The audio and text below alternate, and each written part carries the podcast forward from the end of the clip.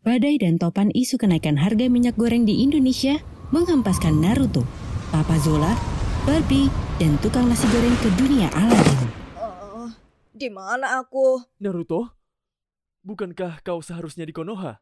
Oh iya, aku tadi sedang mencari minyak goreng di Indonesia dengan harga murah. Kenapa aku jadi tersesat ke sini ya?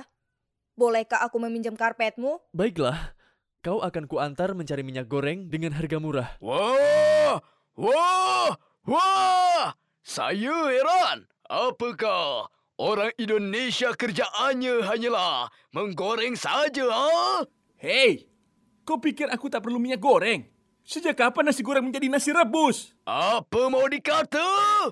Nasi telah menjadi bubur ayam. Ente mau nyari ribut nih? Sudah, sudah.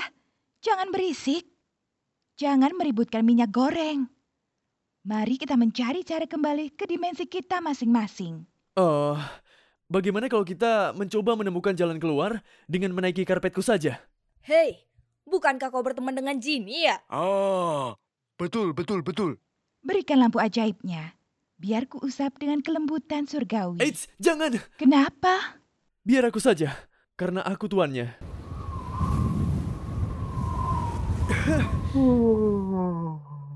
Ada apa kau membangunkanku, Tuan?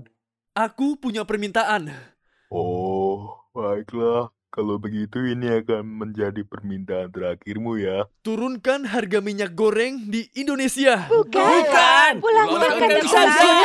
Oh, baiklah. Pulangkan mereka dan kasih bekal minyak goreng. Dengan sekali mengucapkan mantra, Jinny berhasil mengembalikan Naruto, Papa Zola, tukang nasi goreng dan Barbie kembali ke tempatnya masing-masing.